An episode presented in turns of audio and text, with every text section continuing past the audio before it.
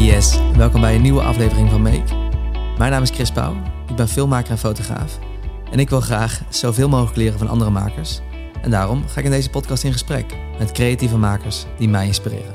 In de hoop ook jou te inspireren om te blijven maken en groeien. Yes, en deze keer weer een klein beetje een andere aflevering dan normaal.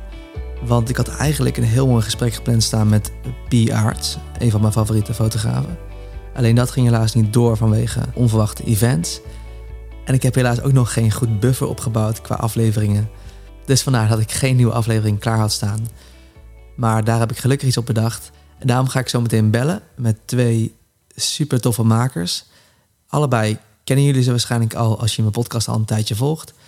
Ik ga namelijk eerst bellen zo meteen met Paul Snijder. Super creatief persoon.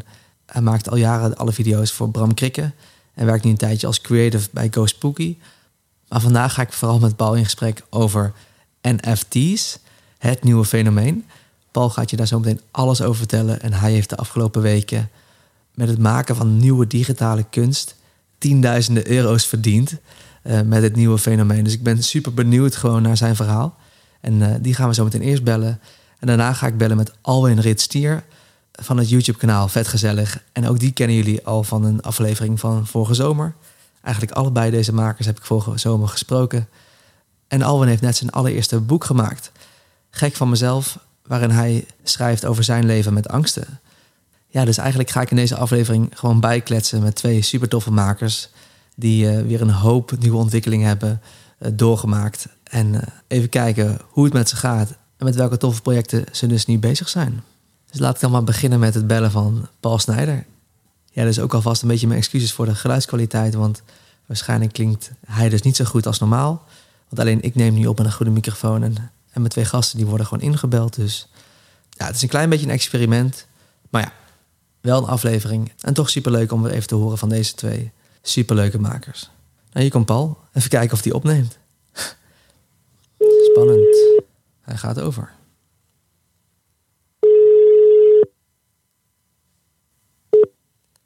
Yo. yes. Goedemiddag. Yo, yo. De enige Hey, echte Paul hey, Snijder. Hey, kan je mij een beetje horen of niet? Eh, ja, ja. Heb je een andere microfoon. Nou, ik bel dus gewoon via mijn, via mijn eigen portable setup. Dus ja, eigenlijk je wordt niet live opgenomen in mijn, eh, in mijn apparaat. Maar ik heb eigenlijk nog nooit dit gedaan. Dus ik, het is ook een beetje een experiment. Maar ik hoor jou goed. Hoe, hoe is hij? Ja, goed. Druk, maar, eh, maar goed. Altijd druk. Eh, ja, ik, eh, dit houdt niet op.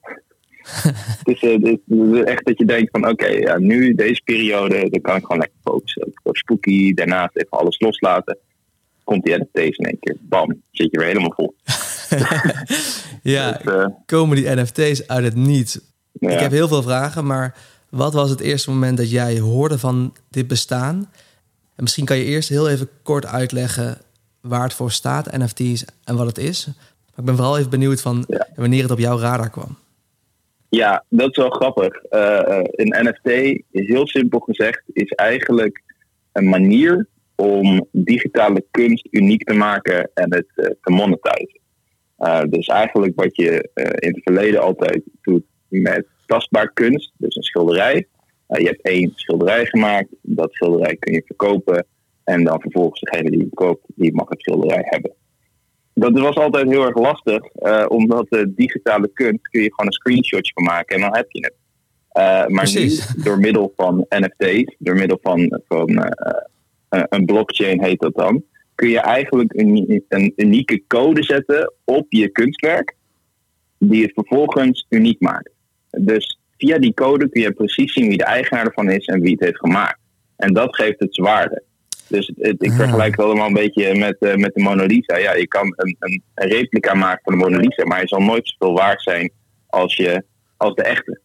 Precies. Alleen omdat de echte eh, een, een soort van. eh, ja, die, die, dat is de echte. En dat kan dus nu ook met digitale kunst. En dat heeft gewoon heel erg veel. dat neemt heel erg veel waarde met zich mee. Wauw, ja, dus vandaar dat we zo, zo, zo hard zijn gegaan. Ehm, en ik, ik ben er dus eigenlijk achter gekomen via Tim. Tim van Go Spooky, eh, Tim van de Wiel. En eh, die had, eh, want we, hebben natuurlijk bij Go Spooky delen we gewoon eigenlijk alles wat op onze radar komt. En nou, sommige mensen die interesseerden andere dingetjes wat meer. En bij mij viel die NFT's dus heel erg op. Dus een paar weken, nou, twee maanden geleden had hij een artikel gedeeld. En dat zag ik en toen dacht ik, oké, dit kan wel interessant zijn. Dus toen ben ik eventjes verder onderzoek gaan doen naar, uh, naar die NFT's. En toen dacht ik, oké, ik ga dit gewoon even proberen.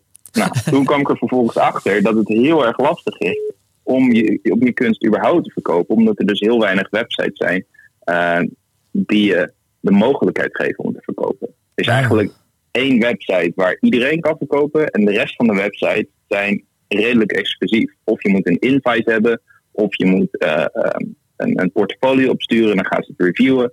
Uh, en ik dacht bij mezelf, ja, ik moet hier nu gewoon zo snel mogelijk bij zijn. Want als dit echt populair gaat worden, uh, en op dat moment was het al redelijk populair aan het worden, want toen verkochten al de eerste mensen voor 100.000 euro een stuk. Zo, en, en dit gaat um, over, hoe lang geleden is dit? Dit was een, een maandje geleden, iets langer nog. Oké, ja. En, en toen dacht ik, oké, dus ik moet op een van die exclusieve websites. Dus ik heb voor alles heb ik me aangemeld. Ik heb voor alles een formulier ingevuld. Uh, werkte niet. Uh, ik kreeg ook al gelijk, ik zat in Discord groepen van al de, al de verschillende websites. Die zeiden al van ja, we hebben nu al zoveel aanmeldingen gekregen, dat, dat wordt er waarschijnlijk niet.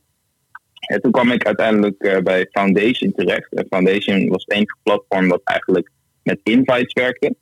Uh, toen via via een beetje rondgevraagd. En uiteindelijk heb ik een oud stagiair van GoSpooky uh, gesproken. En die was daar al veel, heel vroeg bij. En die heeft uiteindelijk mij een invite gegeven. Ah, okay. En zo ben ik op die, op die website gekomen.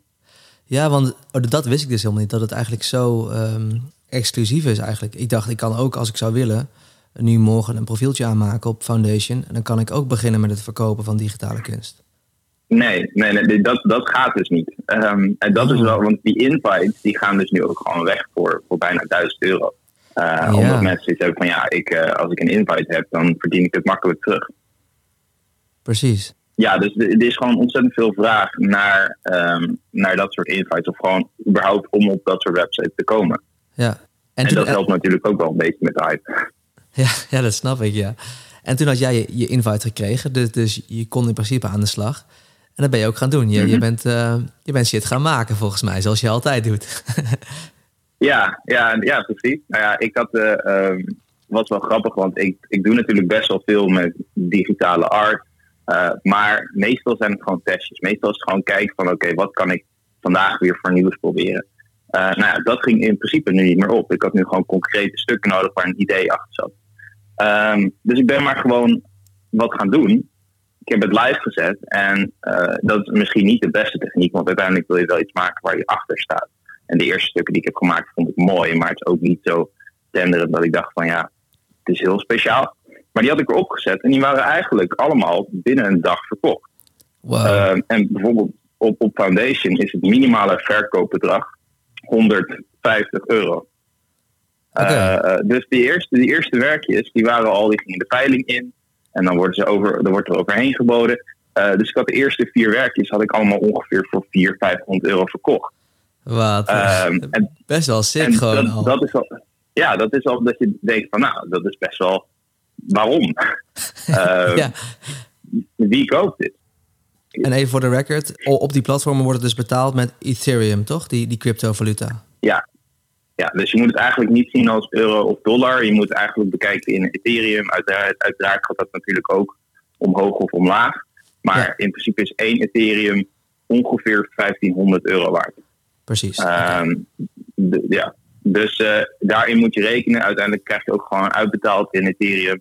En om dat weer over te zetten naar euro, moet je een hele hoop uh, moeilijke weggetjes uh, langs. Ehm, wat ook allemaal weer geld kost. Dus ik laat het allemaal eventjes maar gewoon staan in die crypto. En ja, ik zie daar wel een toekomst in. Dus ik, ik, blijf even geduld hebben. maar ja, nee, het gaat in principe op het Ethereum-netwerk. Ja, precies. Oké, okay, dus, dus je verkocht je eerste drie werken. En dat was inderdaad een bepaalde stijl volgens mij. En toen, en toen begon je met je, je robot-serie volgens mij. En toen ging het echt hard. Ja, nou ja, ik, ik heb, uh, want ik, ik ben dus wel heel erg van als ik iets doe, dan wil ik wel dat er een strategie achter zit. Mm -hmm. Dus ik ben een beetje gaan kijken van oké, okay, wat bieden andere mensen aan en wat verkoopt. En toen zag ik eigenlijk al heel gauw twee dingetjes. Eén, mensen die zien deze trend, die zien dat uh, artiesten voor 10.000 euro ver verkopen. En die denken dat ze meer waard zijn dan dat ze zijn. Uh, dus mijn strategie was, weet je wat, ik laat de mensen die het willen kopen bepalen hoeveel het waard is. Dus ik zette het telkens, alle werkjes heb ik tot nu toe te koop gezet.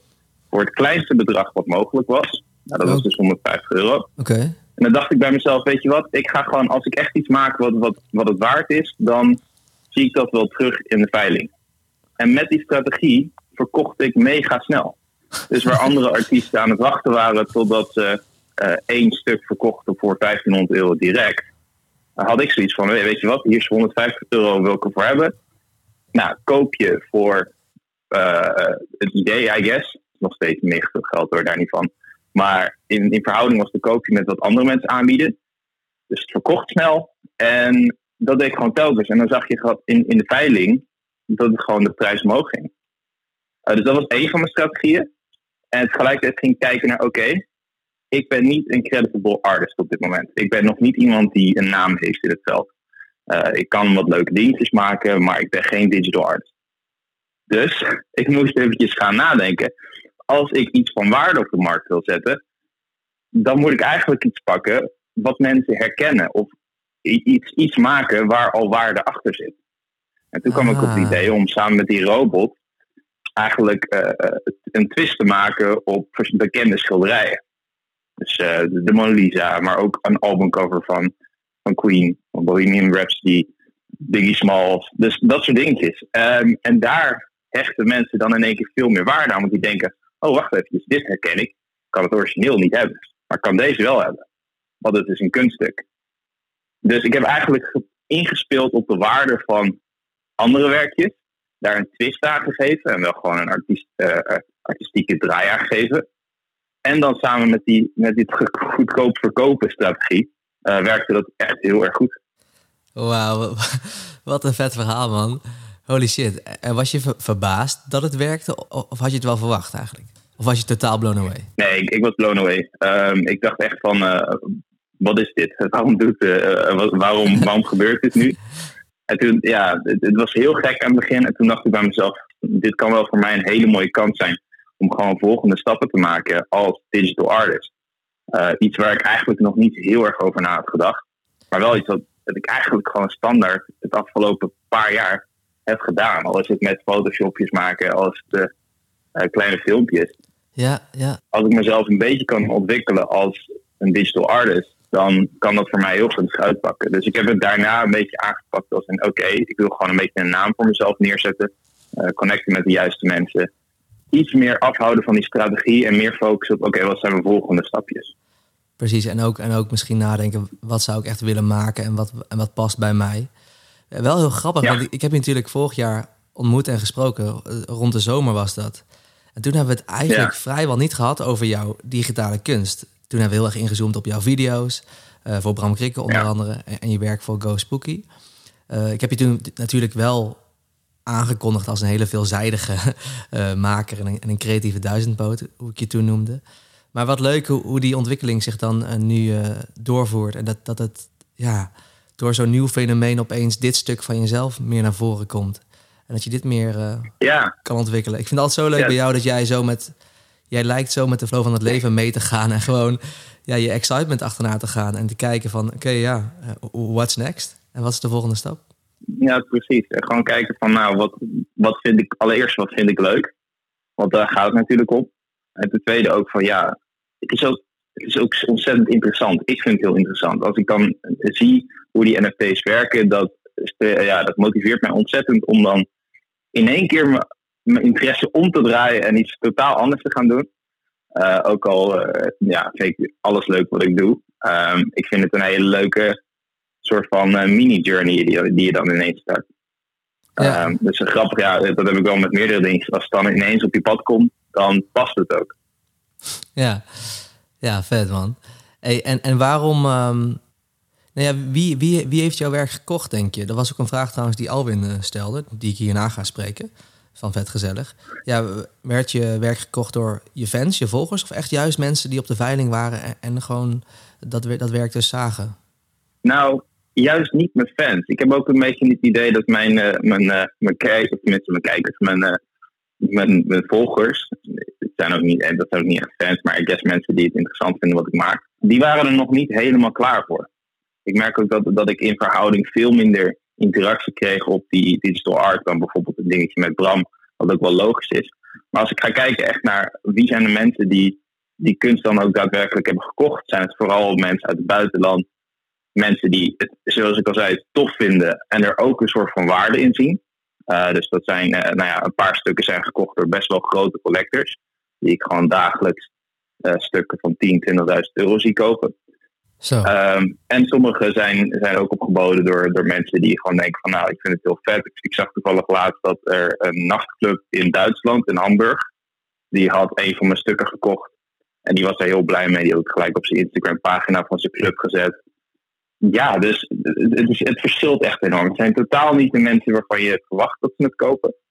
Maar kennelijk wel gewoon uh, de waarde in zien. Ja, god. Ja, wat, wat nog grappiger is, is dat. Uh, uh, het is nog niet verkocht hoor. Maar ik zie wel dat er sommige stukken van mij dus alweer doorverkocht worden. Of tenminste te koop gezet worden. Oh, ja? uh, en een van de stukken die ik had gemaakt, die is nu volgens mij te koop gezet op een andere website voor 50.000 euro. Niet. En, en, krijg je daar dan ja, weer een percentage dus, van of ben je dat kwijt? Nee, in principe is dat gewoon van hun. Oké. Okay. Dat ben ik kwijt. Sommige want websites want ik las ook wel, een soort ja, van commissie. Dat, dat, las ik ook inderdaad. Voor zo'n. Beeple, die, die, die artiest die heel erg veel geld verdiend heeft. Die, uh, die artworks heeft verkocht voor 60 miljoen volgens mij. Samen met Christie's, het Veilinghuis. Volgens mij kreeg hij dan wel weer 10% als dingen door werden verkocht. Maar bij jou niet dus. Ja.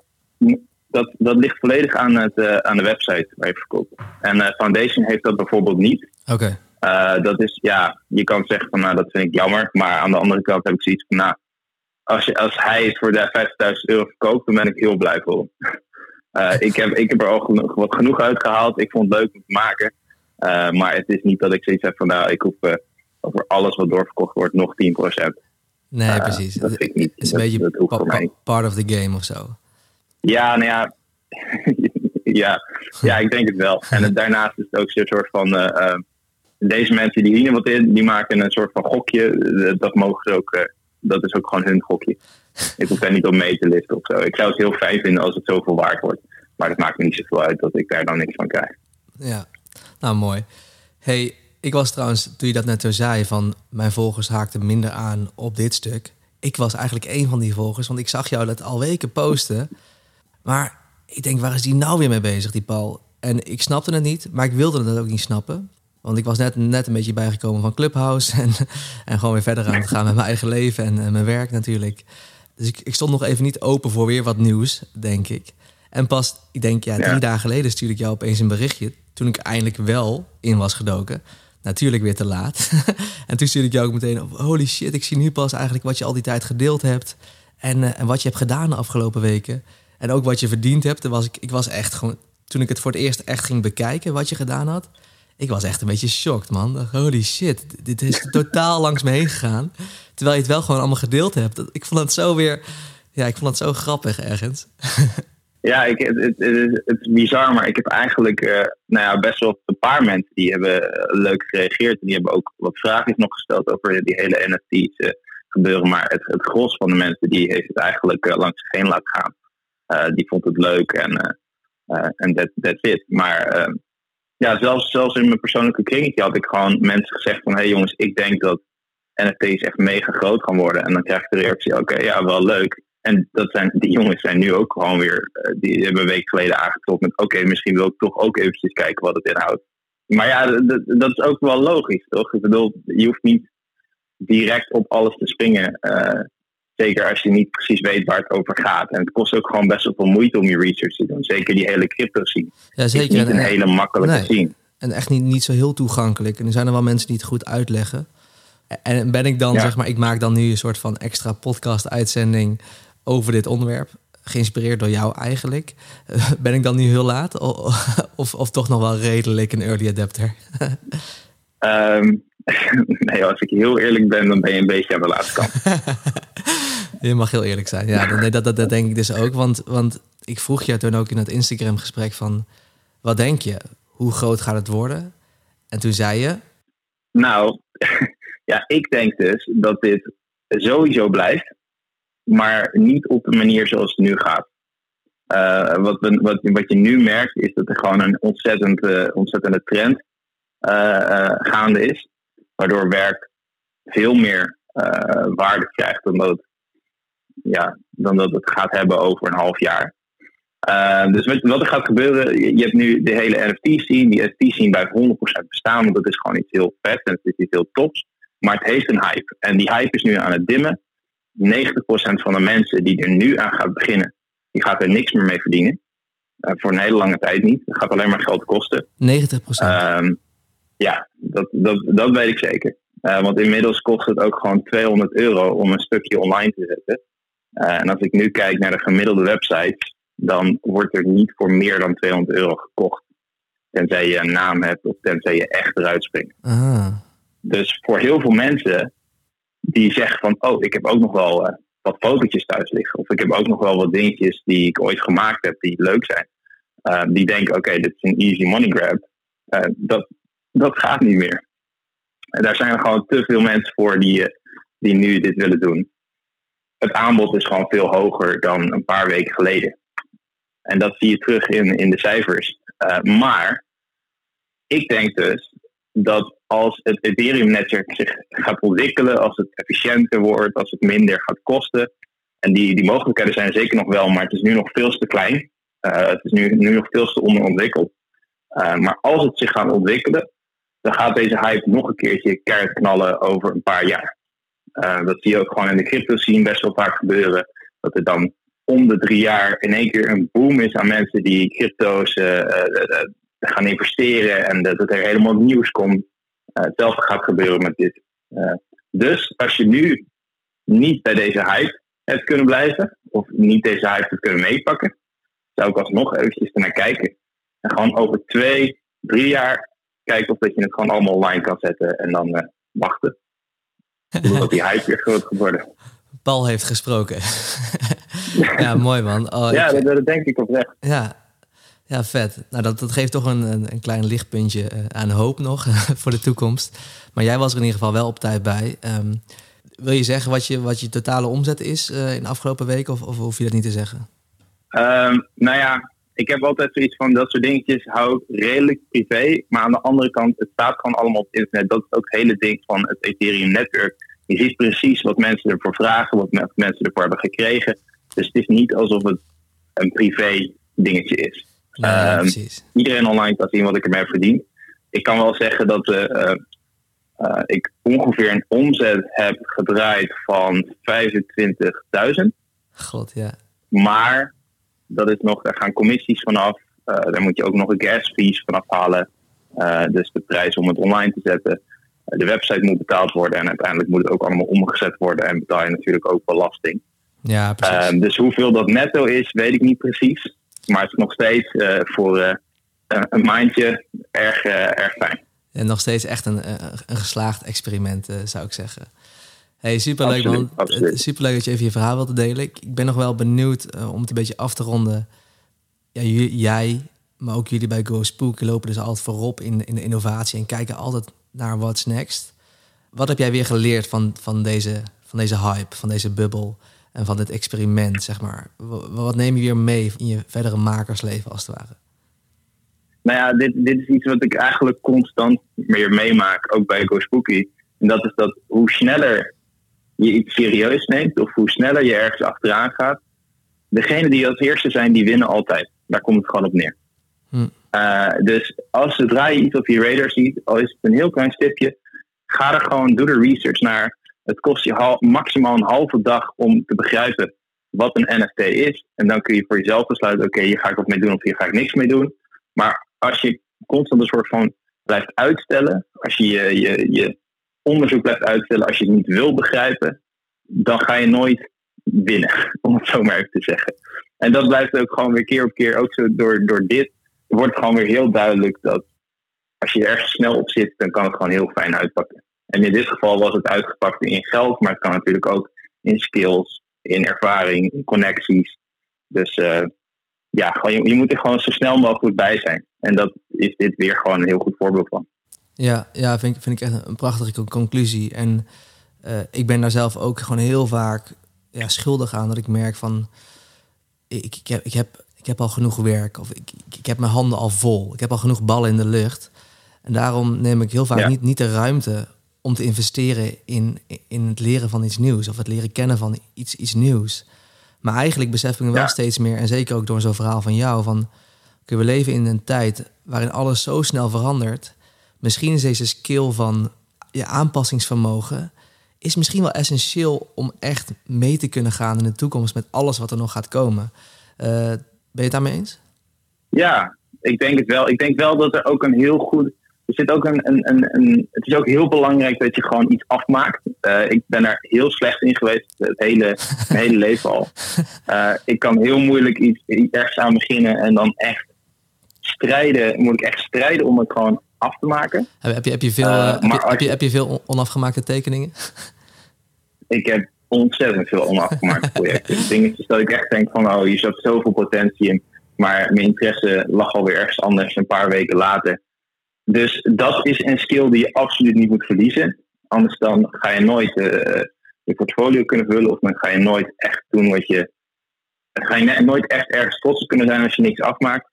Maar aan de andere kant moet je wel gewoon openstaan voor nieuwe ontwikkelingen. Inderdaad, gewoon een goed balans vinden tussen die twee. Een goed balans vinden tussen je werk afmaken en dedicated blijven, maar ook nieuwe dingen leren en nieuwe dingen ontdekken. Amen. Als je dat hebt, dan, uh, dan kom je echt ver.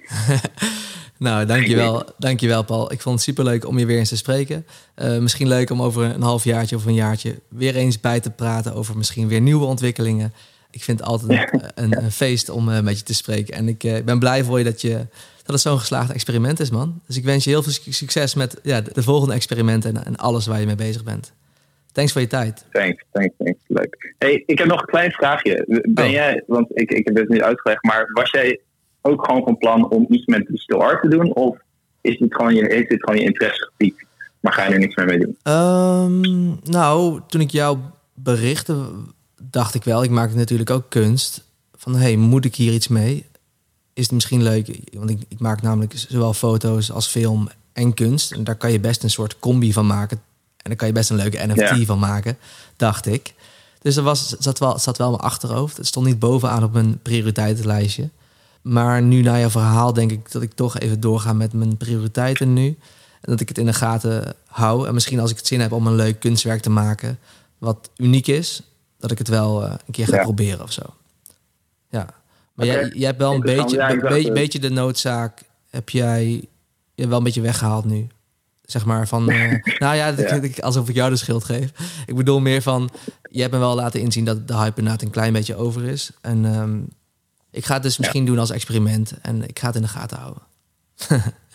Oké, leuk. Nou, dan ga ik er. Uh, ik ben benieuwd wat je gaat doen. Is cool, man. En succes en een fijne dag nog. Cool. Hey, thanks. You. Oké, nou, dat was dus Paul Snijder. Altijd superleuk om hem te spreken. Altijd een visie. En uh, ja, wat ik al zei, ook in de, in de podcast met hem, de, vorige podcastaflevering met hem. Ik vind het echt een, een maker in hart en nieren. En ik vind het superleuk om te zien hoe hij altijd weer uh, nieuwe dingen ontdekt. En nieuwe dingen blijft maken. En dat daar altijd weer iets uitkomt. Dat vind ik uh, ja, gewoon super inspirerend. Dus ik hoop dat jij het ook leuk vond om even weer te horen van hem. Dan gaan we nu verder met de volgende. Ik vind het wel lachen dit. Het lijkt een soort clubhouse-achtig idee. Ik had me ook niet echt voorbereid trouwens deze keer voor de podcast. Ik dacht, ik ga het gewoon een beetje aanpakken alsof ik uh, ga bellen met wat vrienden. En uh, dan komen er ook vaak gewoon leuke gesprekken uit. Dus ik hoef me niet altijd heel goed voor te bereiden. En het voordeel is, deze twee jongens ken ik al een beetje. Dus uh, dat is ook altijd wel makkelijk. Ja, dan ga ik nu bellen met Alwin Ritstier van Vet Gezellig. en gaan we praten over zijn allereerste boek gek van mezelf over zijn leven met angsten. Eens kijken of hij opneemt. Zo, ik zat net te denken van hoe laat zal die bellen? ik was best wel sharp on time nu. Ik zei tussen 1 en 2. Ja, nu is het 3 over 1. Niet slecht. Ja, hoe, is, hoe is het? Ja, goed. Uh, ik wil zeggen druk, maar het valt op zich nog wel mee. Ja, ik heb een beetje laat begonnen met mijn video van vandaag, maar oh. voor de rest. Oké. Okay. voor de rest wel. Maar ja, misschien dan is misschien de drukte al een beetje voorbij. Maar je komt wel weer uit een, uit een lekker uh, achtbaanrit, denk ik. Zo na het lanceren van je allereerste boek. Ja, dat wel inderdaad. Ja. Ben je trouwens al aan het opnemen of niet? Jazeker. Oh, je bent aan het opnemen? Oh, oké, sorry. ik dacht dat je... Oké, nou goed, maakt niet uit. Eh, ja, dat, dat- En ga je dan heel anders praten nu, of dat niet? nee, nee, nee, nee, nee, nee, maar ik dacht van eerst uh, koetjes en kalfjes en daarna, maar net goed. Eh, nou, ja, ik moet wel zeggen, vorige week was wel echt druk, ja. ja. Maar hoe, hoe, hoe voel je je? Het is toch wel... Ja, ik, ik heb je natuurlijk vorige week al heel even gebeld... gewoon om je te feliciteren. Maar Mhm. ook op mijn lijstje, mijn, mijn, mijn dromenlijstje... staat ook echt wel ooit een boek maken. Een persoonlijk Ja. boek maken... waarmee je ook iets kunt betekenen voor anderen. En Mhm. eh, ja, jij hebt het wel gewoon gedaan, man. Echt eh, nogmaals, gefeliciteerd. Hoe, hoe, voelt het, hoe thanks. voelt het dat je boek nu oud en niet open is? Ja, het is wel, eh, wel gek eigenlijk dat mensen nu het allemaal kunnen gaan lezen. Ik denk dat ik dat vooral eh, bizar vind. En de reacties die er ook op komen zijn ook echt... Weet je als, je, als je angst hebt en zo, en misschien weet je dat zelf ook wel, dan voel je soms best wel van, oké, dit heb ik, maar niemand heeft dit verder. Of weet je wel, dat je ook daarin gekke dingen misschien hebt, dat je denkt van, eh, ja, dat zal, weet je wel, er zal wel een van de weinigen in zijn. Maar dat ik dan, zelfs de gedachtepatronen die ik soms heb, en dat soort dingen die ik best wel duidelijk heb opgeschreven, dat mensen dat gewoon ook hetzelfde hebben. Dat gewoon een herkenning dat ze zoiets hebben van wow, weet je wel, je beschrijft gewoon precies mijn gedachten en mijn gevoel. En dat ik denk, wow, dus mensen hebben precies hetzelfde, weet je wel. Het is zo bizar omdat je er gewoon normaal liter niet zo openlijk over praat. Niet, niet omdat ik denk van, eh, ik wil er niet over praten, maar die gedachten, ja, die gaan en die komen. En, en daar sta je, sta je ook niet echt bij stil als je met iemand een gesprek aangaat of zo. Dat die komen en gaan en, en, en toevallig heb ik ze weten te vangen in, voor dit boek, omdat ik er ook echt over na moest denken. Uh, maar dat mensen dus ook echt precies dezelfde gedachten en, en gevoelens en zo ervaren, ja. is wel bizar om te, te beseffen of zo. Uh, en om ook te krijgen, want ik krijg dus daar heel veel reacties over. Ja, ja precies. Dat, dat lijkt me ook wel heel gek. Want geeft dat veel, geeft het veel steun? Nou, dat valt wel mee. Het, het is niet dat het bij mij nou echt heel erg veel steun biedt of zo, maar meer dat ik denk van wow, het is wel uh, bizar dat dat, dat, dat dat gelukt is om dat goed te beschrijven. Ja, ik precies. denk dat dat ja. al is, ja. ja. Hey, en, wat is dan bijvoorbeeld een gedachte die jij vaak gehad hebt in de afgelopen jaren, of vooral in de periode dat je echt je angsten had, waarvan je dacht dat je daar echt alleen in was, maar waar, waarvan je nu hoort dat mensen dat ook gewoon hebben? Dat is een goede vraag. Daar heb ik eigenlijk niet echt meer over nagedacht, omdat mensen het vrij breed interpreteren Oh, ja. uh, wat uh, van gedachten. Maar kan heel specifiek zijn dus. Het kan heel specifiek zijn, inderdaad. Maar ik, ja, er zijn zoveel reacties gekomen dat ik het ook niet meer echt goed weet te filteren eigenlijk. Heel nee, in, in precies. Dat, nou, dus ik zou het graag willen geven, dit antwoord, maar ik weet het gewoon niet goed. Nou, laten we dan gewoon even lekker hebben over het boek zelf. Ja. Kun je allereerst een soort van... Hé, hey, wacht, ik ga, wat ik ga doen, ik ga even het boek erbij pakken... Ja. en dan ga ik even kort ja. de achterkant voorlezen. Dat vind ik wel leuk. Ja, top. Leuk, ja, zeker. Nou, ik ga mijn beste voorleesstem uh, opzetten. Oké, okay, op de achterkant staat... In Gek van Mezelf kruipen we in het hoofd van Alwan Ritstier... die al meer dan twintig jaar kampt met extreme angsten. Zijn grootste angst is om dood te gaan. Bij elk pijntje of bobbeltje is hij ervan overtuigd dat hij kanker heeft... of dat zijn hart het begeeft. Dat herken ik heel erg. Bij elke paniekaanval denkt hij dat hij erin zal blijven. Hoe is het om zo te leven? Hoe is het om niet meer naar buiten te durven... omdat de angst dat er iets gebeurt zo groot is dat je liever thuis blijft? Als hij bijna 30 jaar is en zijn relatie na 7,5 jaar wordt verbroken, gaat de knop om en begint hij zijn angsten onder ogen te komen. Met succes. In Gek van mezelf geeft hij een uniek kijkje in denkpatronen en acties van iemand die te bang is om te leven en hoe hij leert leven. Mooi man. Dat geeft inderdaad een, in het kort een, mooi beeld van wat het boek is. Het, uh, jouw persoonlijke reis. In jouw leven met angsten dus. Waar is ja. die, die reis van het ook het maken van het boek en dus het vertellen van dit verhaal, waar is dat begonnen, uh, Alwin? Ja, dat is begonnen ergens in uh, mei 2018, denk ik. Uh, we hadden toen nog bij, ik en mijn toenmalige vriendin Saskia hadden de documentaire geüpload. En ik werd benaderd door, of wij werden trouwens allebei benaderd door een uitgeverij, AW Bruna. Om te praten over of wij een boek wilden gaan maken over mentale gezondheid. En dan niet per se alleen over bij onszelf, maar ook over anderen. En wij dachten, nou ja, een boek lijkt, zo, ons sowieso tof om te maken. Dus we kunnen altijd gaan praten. Alleen we wilden destijds niet echt iets doen met mentale gezondheid, omdat we er allebei een beetje klaar mee waren na het maken van het boek. En we hadden ook een serie gemaakt over mentale gezondheid voor anderen. Dus we waren wel een beetje klaar met het onderwerp. Ook omdat we allebei, denk ik, op dat moment nog steeds er zelf best wel mee dealden. Alleen dat misschien allebei een beetje probeerden weg te drukken. En toen, uh, toen zijn we dat gesprek aangegaan en wij wilden in eerste instantie een, uh, een kookboek gaan maken of een ander soort boek. Nou, uiteindelijk uh, kwamen we eruit om een boek te maken over influencerleven. Nou, we kregen een contract, en, maar toen ging het tussen mij en mijn relatie met Saskia niet goed. En, en, ik, ik, kreeg eigenlijk ook weer heel erg last van angst. En dat was ongeveer een half jaar nadat we dat gesprek hadden gehad. En toen heb ik mijn redactrice een mailtje gestuurd van, nou ja, uh, Saskia wil niet meer meedoen, maar ik wil wel graag eigenlijk een boek schrijven, maar dan over toch mijn angst. En zo is het eigenlijk een beetje begonnen. Ja, vet man. Echt weer maar wel een dieptepunt ook echt. Je, je, zat, zeg maar, toen je hem benaderde, zat je dus echt best wel op een, ja. op een, op een niet zo fijne plek. Nee, zeker. Nee. Maar dan best ook wel een kluif om dan juist voor te gaan stellen: hey, ik wil toch een boek gaan maken. Dat vind ik wel ja. een, een soort van weer een soort dappere uitdaging die je dan toen aanging. Ja, klopt. Ja, ik denk dat ik daar nooit zo heel erg over na heb gedacht dat dat dan wel heel veel werk zou gaan kosten. Maar, ik dacht misschien wel weer goed om iets anders te gaan doen dan alleen maar video's te maken. Ja, ja, dat kan ik me voorstellen. Maar ook in het begin van het boek lezen we al dat het proces op het begin niet zo heel lekker ging. Het wilde nog niet echt lukken.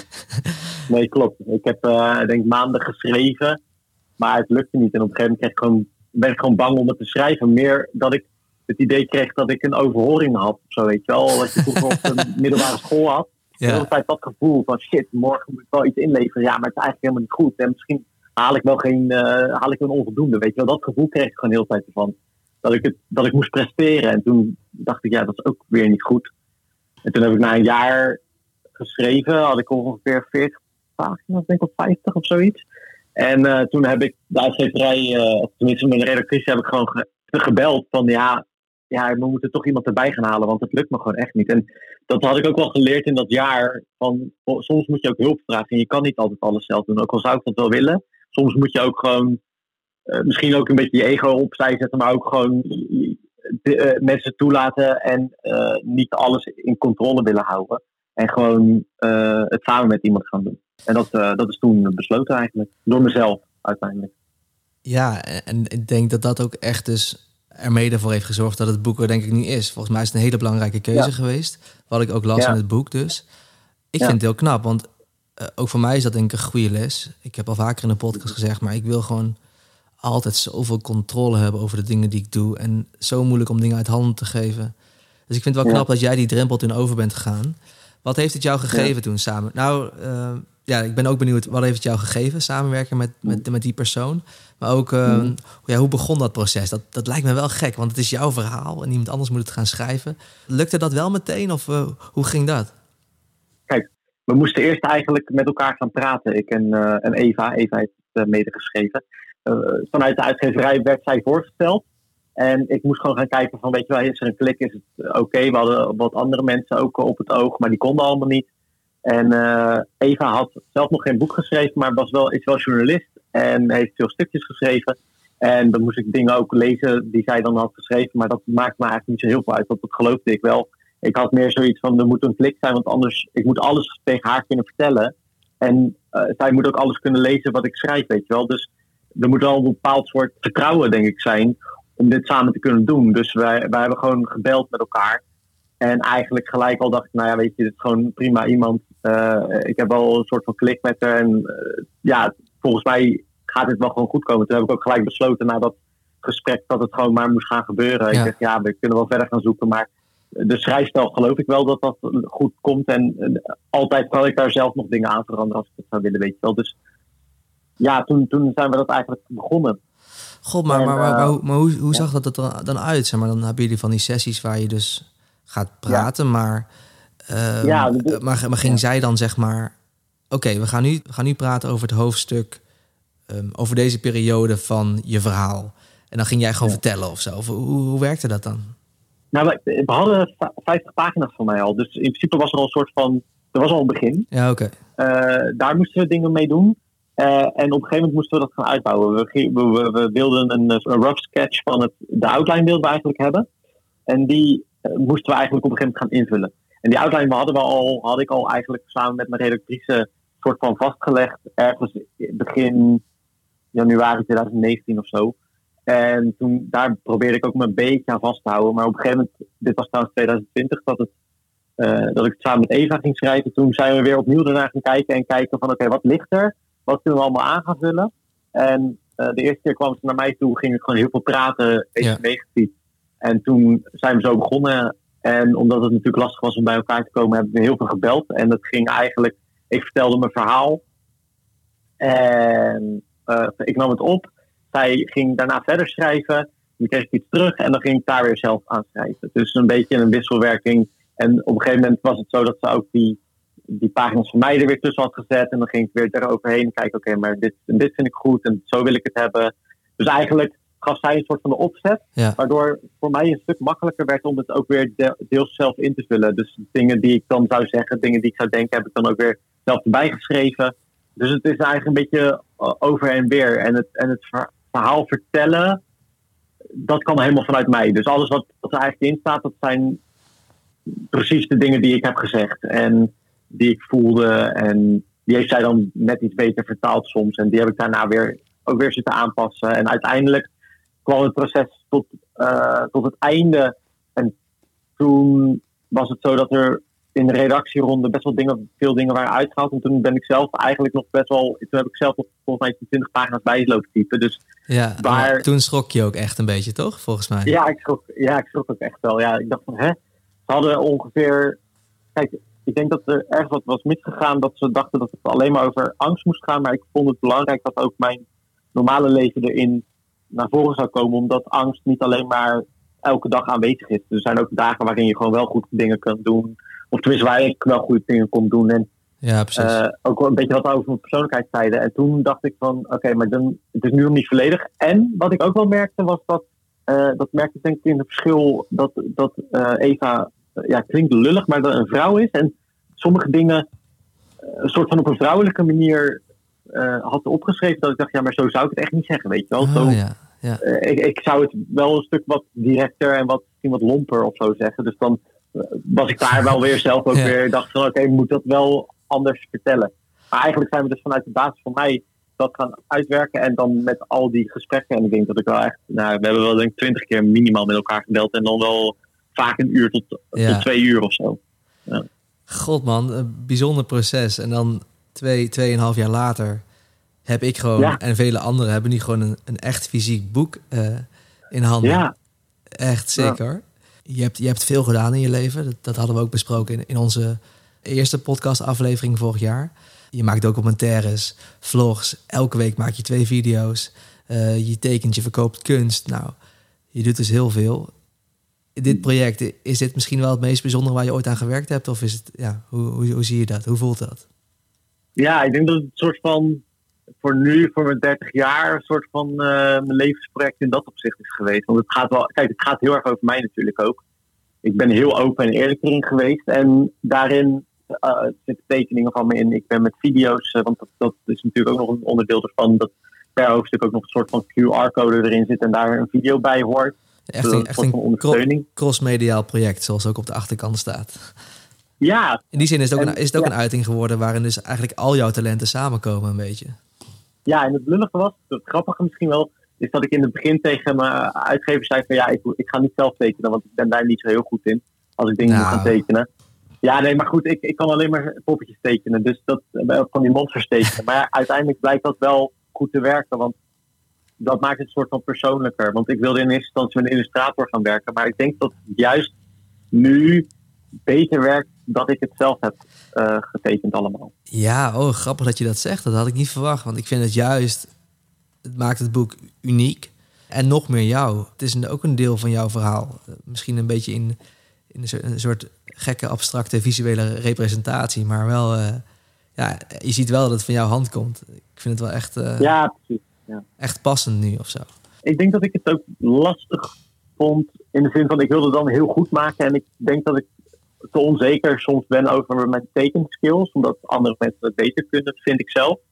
Ja, en dan, als we dan bijvoorbeeld illustraties erbij wilden, wat soort van ergens over ging of zo. Dat ik dacht, ja, maar dat kan ik nooit zelf tekenen. Want ik ben meer wat vrijer daarin. Als in, bij mij zijn het niet hele Conceptu- logische, eh, conceptuele dingen of zo. ja, het is meer conceptueel misschien inderdaad. Ja, Ja, in dat opzicht. ja. En, eh, kijk, en op zich de, de dingen die ik teken heeft, hebben wel heel veel te maken met de chaos en zo in mijn hoofd. En, de, en ook wel met angst eigenlijk vaak, toch wel. Oké. Omdat, eh, kijk, het lijkt altijd allemaal een soort van heel kleurrijk en dat soort dingen. Maar het is een soort van expressie van mijn... Als ik me rot voel, ga ik vaak tekenen of schilderen. Of als ik me heel blij voel, dan ga ik het ook doen. Als ik een soort van normaal voel, niet. Dat heb ik volgens mij toen ook in de podcast gezegd. Ja, klopt. Ehm, eh, eh, dus het, het, heeft, het heeft iets te maken met eh, het loslaten van bepaald soort dingen. Dat, en, en soms als ik het ook terugzie, dan denk ik ook, jij van oké, ik voelde me toen zo. Want ik zie dan alleen maar sippe gezichtjes in de schilderijen. En de andere keer is het heel vrolijk en heel kleurrijk. En dan voelde ik me waarschijnlijk weer wat beter. En dat is ook wel vaak zo. De dingen die wat kleurrijker zijn, komen vaak wel op het moment dat ik eh, me ook wat vrolijker voel. Ja. Hey, ik vind je vaak eh, redelijk bescheiden en redelijk nuchter over, over je werk of zo. Hoe, hoe, hoe trots ben je op, op, op dit boek, op dit project? Ja, heel, heel trots eigenlijk wel. En ik denk dat ik in eerste dat ik eigenlijk voor het eerst heb dat ik denk van ik ben hier gewoon heel tevreden mee en heel blij mee. Dat ik, Oh, wat vet. eh, ja, dat ik- heb ik eigenlijk vaak. Ja, thanks. Ja. Ik, denk dat het komt omdat het zo'n lang proces is geweest en omdat het ook helemaal geworden is hoe ik het wilde. Wa- Want op een gegeven moment waren die teksten inderdaad een beetje veranderd. En toen was er ook nog iets met de layout gebeurd. En nou, er waren allemaal, allemaal obstakels. En, ik heb gewoon gezegd, ja, maar ik wil het zo hebben, want anders hoeft het mij niet uit te komen. Eh, dan betaal ik jullie wel terug. Want ik wilde het gewoon helemaal hebben hoe ik het wilde hebben. En, maar ze waren daar heel erg relaxed over. En ze hadden ook zoiets van, ja, maar het was ook helemaal niet de bedoeling hoor. Dat het eh, helemaal van je af zou staan. Dus het was ook helemaal niet een fout uiteindelijk. Maar ik merkte wel dat ik dacht, ja, maar ik moet het wel zo uitgeven als wat ik het wil. Eh, want Ja. anders ga ik er nooit tevreden mee zijn, weet je. Anders zie ik altijd wel iets. En uiteindelijk was er toch nog wel iets gebeurd aan de achterkant wat we niet zo hadden ontworpen. Ja. Dat het toch iets te vergroot uitgeprint was. En dat kon ik wel naast me neerleggen. Dat ik dacht, nou weet je, dat kan met de herdruk, wat nu uiteindelijk gekomen is trouwens. eh, Cool. Kan dat wel veranderd worden. Dus ehm, Ja. ja. ik denk dat, dat ik, de- ik denk dat doordat gewoon alles bij elkaar gewoon goed werkt. En eh, er zijn nog wel wat dingetjes. Bijvoorbeeld, niet alle video's zijn afgekomen op het laatste moment. Dus dat op 15 april is alles echt af. Eh, dat vond ik dan wel weer lastig. Maar dacht ik ook van ja, maar je moet ook weer niet streng tegen jezelf zijn. Wees gewoon blij met wat het is. En het boek zelf, toen ik het in handen had, dacht ik van hier ben ik gewoon blij mee. Dus toen kon ik ook alles soort van loslaten van de andere dingetjes erover. Die dan nog niet helemaal werkten of nog niet helemaal klopten. Ja, dat, dat, dat snap ik, man. En ehm, Ja. ja. ik moet het dus nog eigenlijk helemaal gaan lezen. Ik ben nog bij de, bij de inleiding ongeveer. Maar eh, mijn eerste impressie is echt, eh, echt heel, heel vet en, en veelbelovend. Ehm, Ja, ja, dus ik- vond ik wel mooi wat je net zei eigenlijk. Dus dat vind ik ook wel een beetje een soort tip naar, naar makers die misschien ooit een boek gaan maken of een groot project gaan doen in samenwerking met een externe partij. Je blijft ook daarin dicht bij jezelf en, en ga echt voor jouw visie staan ook. Natuurlijk moet je wel Ja. een soort balans houden tussen niet ja, te kritisch worden of te koppig zijn. Maar wel Ja. het feit dat jij nu zo trots bent, komt ook omdat je, omdat je ervoor gevochten hebt dat je het wilde hebben zoals jij het voor je zag. En dat je daar wel Ja. elke keer tegen in bent gegaan. En ehm, ja, dat, dat is wel een, een goede, goede tip, denk ik, om mee te nemen. Om, om, dat, om dat wel te durven. Want achteraf ga je blij Ja. zijn. Want anders had je denk ik wel spijt gehad. Ja, ik ben wel iemand die vaak eh, inderdaad dan denkt van ja, ik wil ook niet moeilijk doen en zo. Want ik voel me ook vrij snel moeilijk naar dat soort dingen toe. Ja, dat snap ik denk, ja, kom ik weer, weet je wel. Want ik had op een gegeven moment ook zoiets van, ik wil spot UV op de voorkant. Dat, betekent dat het een soort van, beetje shiny is. Je, je ziet het bij die poppetjes, zie je toch Ja. een beetje glint. Ja, het, het is Ja, gelukt, dat- zie ik. Ja, dat, dat, ja. maar ze deden er ook helemaal niet moeilijk over. Maar in eerste instantie denk ik, ja, weet je, ik vraag al zoveel van. Ik vraag al ook veel van ze, want het is al full color, best wel duur. Het is sowieso een duur boek om te maken. Dus eh, ja, moet ik dat dan wel vragen? Maar toen dacht ik, ja, fuck it, weet je. Ik heb, nee, heb ik ja kunnen krijgen. Eh, laat ik het gewoon vragen. Eh, als het niet kan, kan het niet. Ja. En ik heb zelfs een paar keer gezegd ook van... Weet je, als ik daar wat iets van geld moet inleveren, vind ik het ook niet erg als het maar beter erop wordt. Maar dan zeiden ze altijd van, ja, maar jij moet niet je geld inleveren. We gaan gewoon kijken of het lukt. Maar ik, ik ben wel altijd zoiets van, weet je, dat geld wat ik er dan voor krijg, dat is dan... Maakt mij niet zoveel uit als dat dan minder wordt, als het dan daardoor beter wordt. Dat ik er meer achter sta. Want dan denk ik, dat als ik er meer achter sta, dan heb ik ook het idee dat het beter gaat werken, dat het beter gaat verkopen of zo. Ja, nee, dat, dat, dat, daar ben ik het mee eens. En ook, ja, je- s- misschien ga je wel meerdere boeken maken in je leven, maar dit verhaal ga je waarschijnlijk maar één keer op deze manier vertellen. En dat wil je dan ja, toch Ja. op de best mogelijke manier doen, denk ik. Dat, dat snap ik heel goed. Nou, ik ga me wel of ik nog meerdere boeken ga maken hoor. Maar, uh... Oké. Ja, want hoe, hoe, hoe, hoe zit dat eigenlijk met dan... Uh, je hoeft niet, niet in detail te treden hoor, maar hoe mm werkt zo'n uh, financiële afspraak? Is het, is het zeg maar, je maakt gewoon een... Je krijgt één bedrag voor het hele project of krijg je dan echt per, per verkoop iets? Hoe werkt dat globaal oh, gezien? Zo, ik, ik, ja, ik, weet niet hoeveel ik daarover mag zeggen volgens nee, contract. Maar wat ik wel kan zeggen is dat ik in ieder geval een voorschot krijg, wat heel logisch is. En daarna krijg ik uh, percentage per boek, maar daar gaat eerst nog dat voorschot vanaf. Ik snap het. Dan heb je er genoeg over gezegd, denk ik. Hey, ik, ik, heb nog twee leuke ja, soort van luisteraarsvragen binnengekregen. Oké, okay, um, Eve van de Boom, hm. ook, ook wel Sjaak Bonenstaak op Instagram. Uh, die vraagt zich af, heeft het schrijven van het boek jou geholpen bij je persoonlijke groei? Mm. Nou ja, kijk, het idee van het boek was dat ik uiteindelijk een reis zou ondernemen. En dan een soort van angstvrij zou zijn, tenminste niet angstvrij, maar het, het engste wat ik kon bedenken dat ik dat ging doen. En dat was vliegen. En dat, ik weet niet, ik denk niet dat ik er ooit heel erg bewust mee bezig ben geweest, maar ik denk wel dat het extra motivatie gaf om dat bijvoorbeeld wel aan te gaan op een gegeven moment. Hm. Dus dat ik ook dacht van het is mooi voor het boek. Dus ik denk dat het soort van in verweven is dat het ja, ik was toch al met mezelf bezig. Dat had ik sowieso wel al besloten. Dus ik weet niet of ik er nou echt heel veel verder iets aan heb gehad. Maar wel aan de andere kant ook weer wel dat nu alles opgeschreven staat. Dat ik als ik teruglees, dat ik denk, oh ja, zo denk ik inderdaad. En dit heb ik inderdaad, dat, uh, zo denk ik erover. Dat ik wel weer mijn eigen gedachten en zo kan teruglezen. Dus ja. aan de ene kant denk ik dat het pas achteraf misschien wat meer werkt dan toen ik het aan het schrijven was. Mm. Dus dat, dat moet misschien nog een beetje gaan komen dan.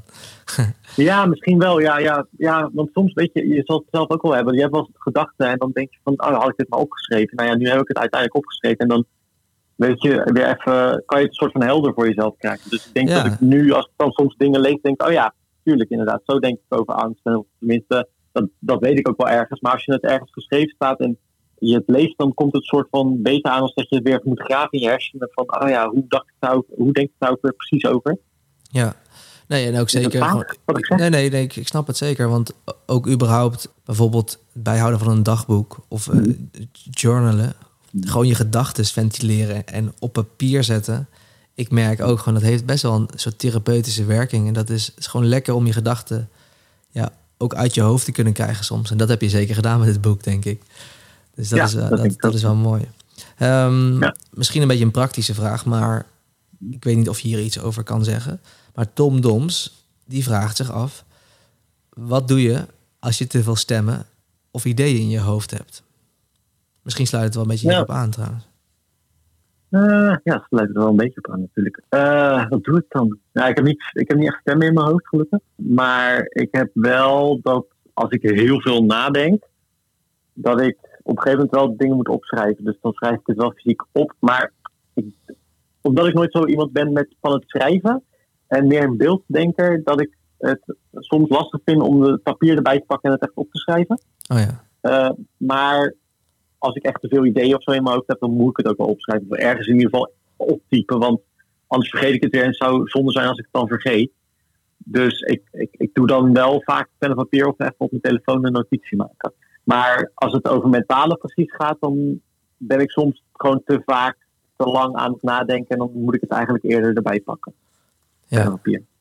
ja, en op het einde van je boek staat ook nog een soort extra sectie met allerlei soorten praktische handvaten die jij, die jij de, de lezer geeft eigenlijk. Zowel op, op, mentaal vlak als fysiek vlak. Geef je eigenlijk hele praktische tips. Ik vind het wel leuk om dat even op mezelf toe te spitsen. En ben ik wel benieuwd of je daar dan iets over geleerd hebt. Ik las net al je, mhm. je achterkant voor en daarin zeg je bijvoorbeeld bij elk pijntje of bobbeltje ben je ervan overtuigd dat je kanker hebt of dat je hart het begeeft. Dat staat op de mhm. achterkant. Ik ken dat ook. Ik ben vorige week ook naar de dokter geweest toen ik weer te lang een steek in bij mijn rib had om het toch even te laten checken. En dat doe ik ook al heel mijn mhm. leven. Uh, je zou het hypochondrie kunnen noemen. Dat wordt wel eens gezegd tegen mij. Heb jij daar. Dat is het hoor. Waarschijnlijk wel, ja. Eh, ja, Heb jij daar iets over geleerd, zeg maar, waar je mij misschien ook een beetje kan helpen en misschien ook de luisteraar die dat ook herkent? Van, uh, hoe ga je om met, met, met dat soort, ja, dat soort gedachten? Heb je daar iets over geleerd? Ja, uh, wat ik vooral heb geleerd is dat je probeert om daar wat nuchterder in te kijken. En, wat, en eigenlijk ook een soort van wat, wat luchtiger te, te nemen. Omdat eh, hoe groot is de kans nou dat wij op onze leeftijd nou echt iets ergs hebben? Kijk, als het echt lang aanhoudt, natuurlijk logisch dat je er iets aan doet. Maar als je dat pijntje of zoiets net voelt en dat al vaker hebt gevoeld en elke keer gaat het weer weg en dan komt het na een paar maanden omdat je misschien wat drukker bent en zo weer, weer omhoog zetten. Ja. Dan, dan, dan moet je ook bij jezelf nagaan, is dit wel realistisch? Aan de andere kant, ik heb het idee dat wij onze angsten vaak iets te serieus nemen of zo. Uh, tenminste, ik deed dat heel veel. Uh, ik ben heel erg gaan kijken naar mezelf van oké, wat, wat speelt er nu in mijn leven, weet je wel? Is het een, heb ik iets gedaan waardoor, weet je wel, heb ik te veel druk op, me, op mezelf gelegd en krijg ik daardoor die pijntjes? Ik probeer nu tegenwoordig steeds vaker te kijken van waarom heb ik dit? In plaats van dat ik gelijk denk van oh, dit zal iets ernstigs zijn. Meer van oké, okay, hoe sta ik nu in mijn leven? Ik heb het druk. Ben druk ah, bezig met het ja. promoten van dit boek. Heeft het daar misschien mee te maken? Weet je wel, druk op de borst. Dat is wel een uiting van meer spanning. Dus dan zou ik eerder daarnaar gaan kijken. Dus kijk, en als het dan nog steeds niet weggaat na een paar dagen, dan kan je altijd natuurlijk naar de dokter gaan. Maar in eerste instantie niet gelijk gaan denken, niet gelijk het, van het ergste uitgaan, want vaak is het het ergste niet. En hoe vaak heb je dit ook al gehad, weet je wel? Uh, waarschijnlijk heb je die steek ook wel vaker ervaren, want anders zou je er ook überhaupt niet bang waarschijnlijk van zijn, omdat je het... Ja, nee, trouwens, dat is niet helemaal waar, want als je het natuurlijk voor het eerst ervaart, dan kan je juist er meer bang voor zijn. Maar vaak heb je die symptomen die je hebt toch wel vaker gehad, of herken je wel iets van de symptomen in iets anders, in stress of in gedachtenpatronen, weet je wel. Je kan ook bij jezelf gaan nagaan van, heb ik vandaag überhaupt positief gedacht? Of uh, ben ik alleen maar negatief aan het denken en heb ik juist, neem ik te veel hooi op mijn vork? Ben ik te veel bezig en neem ik te weinig rust? Ja. Uh, slaap ik wel goed, weet je wel? Ja, dus Kijk eigenlijk, wat er in je leven speelt. eigenlijk ben je gewoon, in, in principe ben je begonnen met het stellen van die belangrijke vragen überhaupt. En eerst trok je misschien meteen een conclusie. En nu denk je meer van, ja, je zoomt uit als het ware. En je kijkt in Ja. een soort helikopterview naar je leven van, oké, waar zou het vandaan kunnen komen? En dat vind ik eigenlijk al wel Ja. een vraag die, die, die ik wel vaker mag stellen.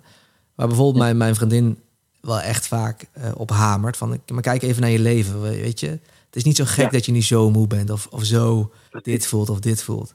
Maar zelf ga ik dat zelf lijkt altijd een soort shortcut te nemen, meteen naar de conclusie. En die is, vaak, die is vaak heel erg in mijn hoofd. En dan ga ik niet met een soort omweg kijken van, hé, hey, wat heb ik allemaal eh, meegemaakt de afgelopen tijd? Dus dat vind ik wel ja, mooi. maar echt. Ja, maar dat is echt wel, ik denk dat dat heeft mij wel geholpen, want je moet, je moet ook wel echt realistisch kijken naar hoe groot is de kans nou eigenlijk echt, weet je wel? Want hoe oud ben je? Je bent Ze- 27 ben ik. 27. Eh, nou ja, hoe groot is de kans dat er nou echt iets op dit moment aan de hand is? Natuurlijk zien we wel die voorbeelden in, in de media. Ja. Maar het probleem daarvan is, is dat we alleen die voorbeelden zien en we horen niet 17 miljoen mensen zijn gewoon supergezond. Of, eh nou, dat is nou niet waar, maar goed, eh 10, 10 miljoen mensen zijn vandaag supergezond toch opgestaan. Nee, precies. Dat is inderdaad waar. Ik, ik- hoor dan vooral bijvoorbeeld, nou, de, dat meisje Mijn Kwaad Bloed. Jij kent haar Ja. goed, je hebt een documentaire over haar gemaakt. Eh, ze, Ja. had, ze had leukemie en zij is dus Ja. overleden vorige week. Nou, ze had ik heel veel media-aandacht de afgelopen tijd. En, en, en daardoor weet heel veel mensen weten dat nieuws. Maar dat, is dan, dat wordt dan voor mij een soort, zie je wel, eh, het, het, het, het komt wel voor, ze was 25. Dus dan ga je dat gebruiken, zo'n voorbeeld, al- als soort verificatie van je eigen angsten of zo. Dus, Denk ik ook altijd. ja, gek is dat, ja. Ik kan het nog steeds. Ik, nou, ik kan, zou het ook nog steeds wel kunnen doen, maar ik, en, en ik voel dat nog wel. eens. En als ik angstklachten heb en zo, dan denk ik, oh shit, misschien is het toch weer dit in mijn hart of zo. Ja. Maar ik probeer het wel gewoon iets meer voor mezelf, te, ja, gewoon wat nuchterder naar te kijken. En gewoon te denken van, ja, maar volgens mij eh, is het nu heel logisch dat ik dit voel. Ja, die, die ga ik opschrijven, man. En die ga ik eh, ter harte nemen. Volgens mij staat het ook in mijn boek. Dus Oké, dan ga ik het omcirkelen of zo. Ehm, ja, ik wil je bijna vragen, wat is next? Maar eigenlijk gun ik je ook om even stil te staan bij deze, bij deze mooie gebeurtenis. Je hebt de afgelopen maand en een hele succesvolle documentaire gemaakt. En het boek is uitgekomen. Dus waarschijnlijk, ja... er is wel next hoor, sowieso. Je weet toch goed. Je, je weet nu gewoon een beetje hoe het bent. Nee, ik wou zeggen, waarschijnlijk zit je alweer te broeden op nieuwe dingen. Maar eh, ik gun je ook wat rust, laat ik dat zeggen. La- Laat ik het zo zeggen, ik gun je eerst wat rust. Maar ik ben toch ook Ja. heel benieuwd, eh, wat zijn je volgende plannen?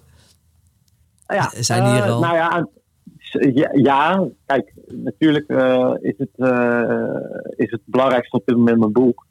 Eh, en ik wil daar eigenlijk wat meer mee gaan uitbouwen. Ik wil wat meer met, eh, ook toch mentale gezondheid gaan doen. Uh, dat was ik al sowieso van plan, ook op mijn kanaal.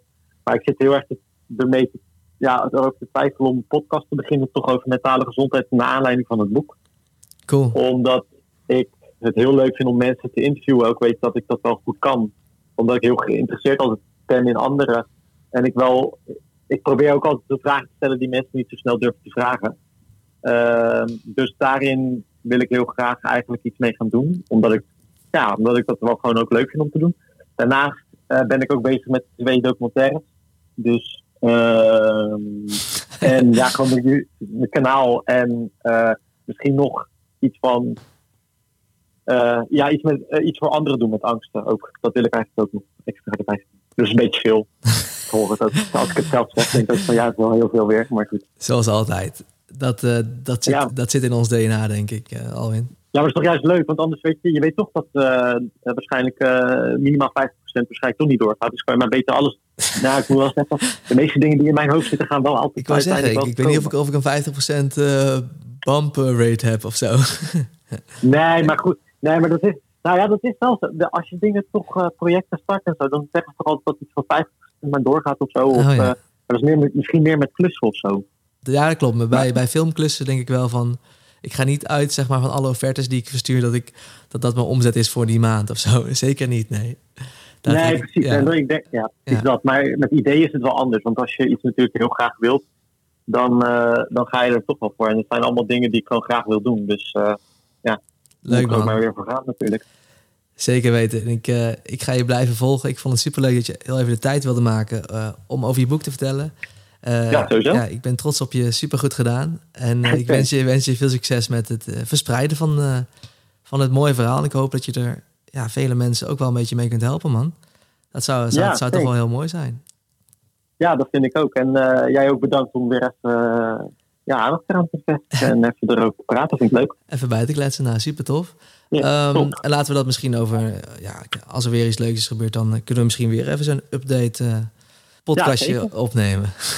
Ja, laten we ook een keer gewoon uh, met de tweeën keer gewoon afspreken en gewoon een keer uh, even bijpraten. Laten we dat zeker doen. Um, ja. Ik spreek je man. Veel succes. Is goed. Joe.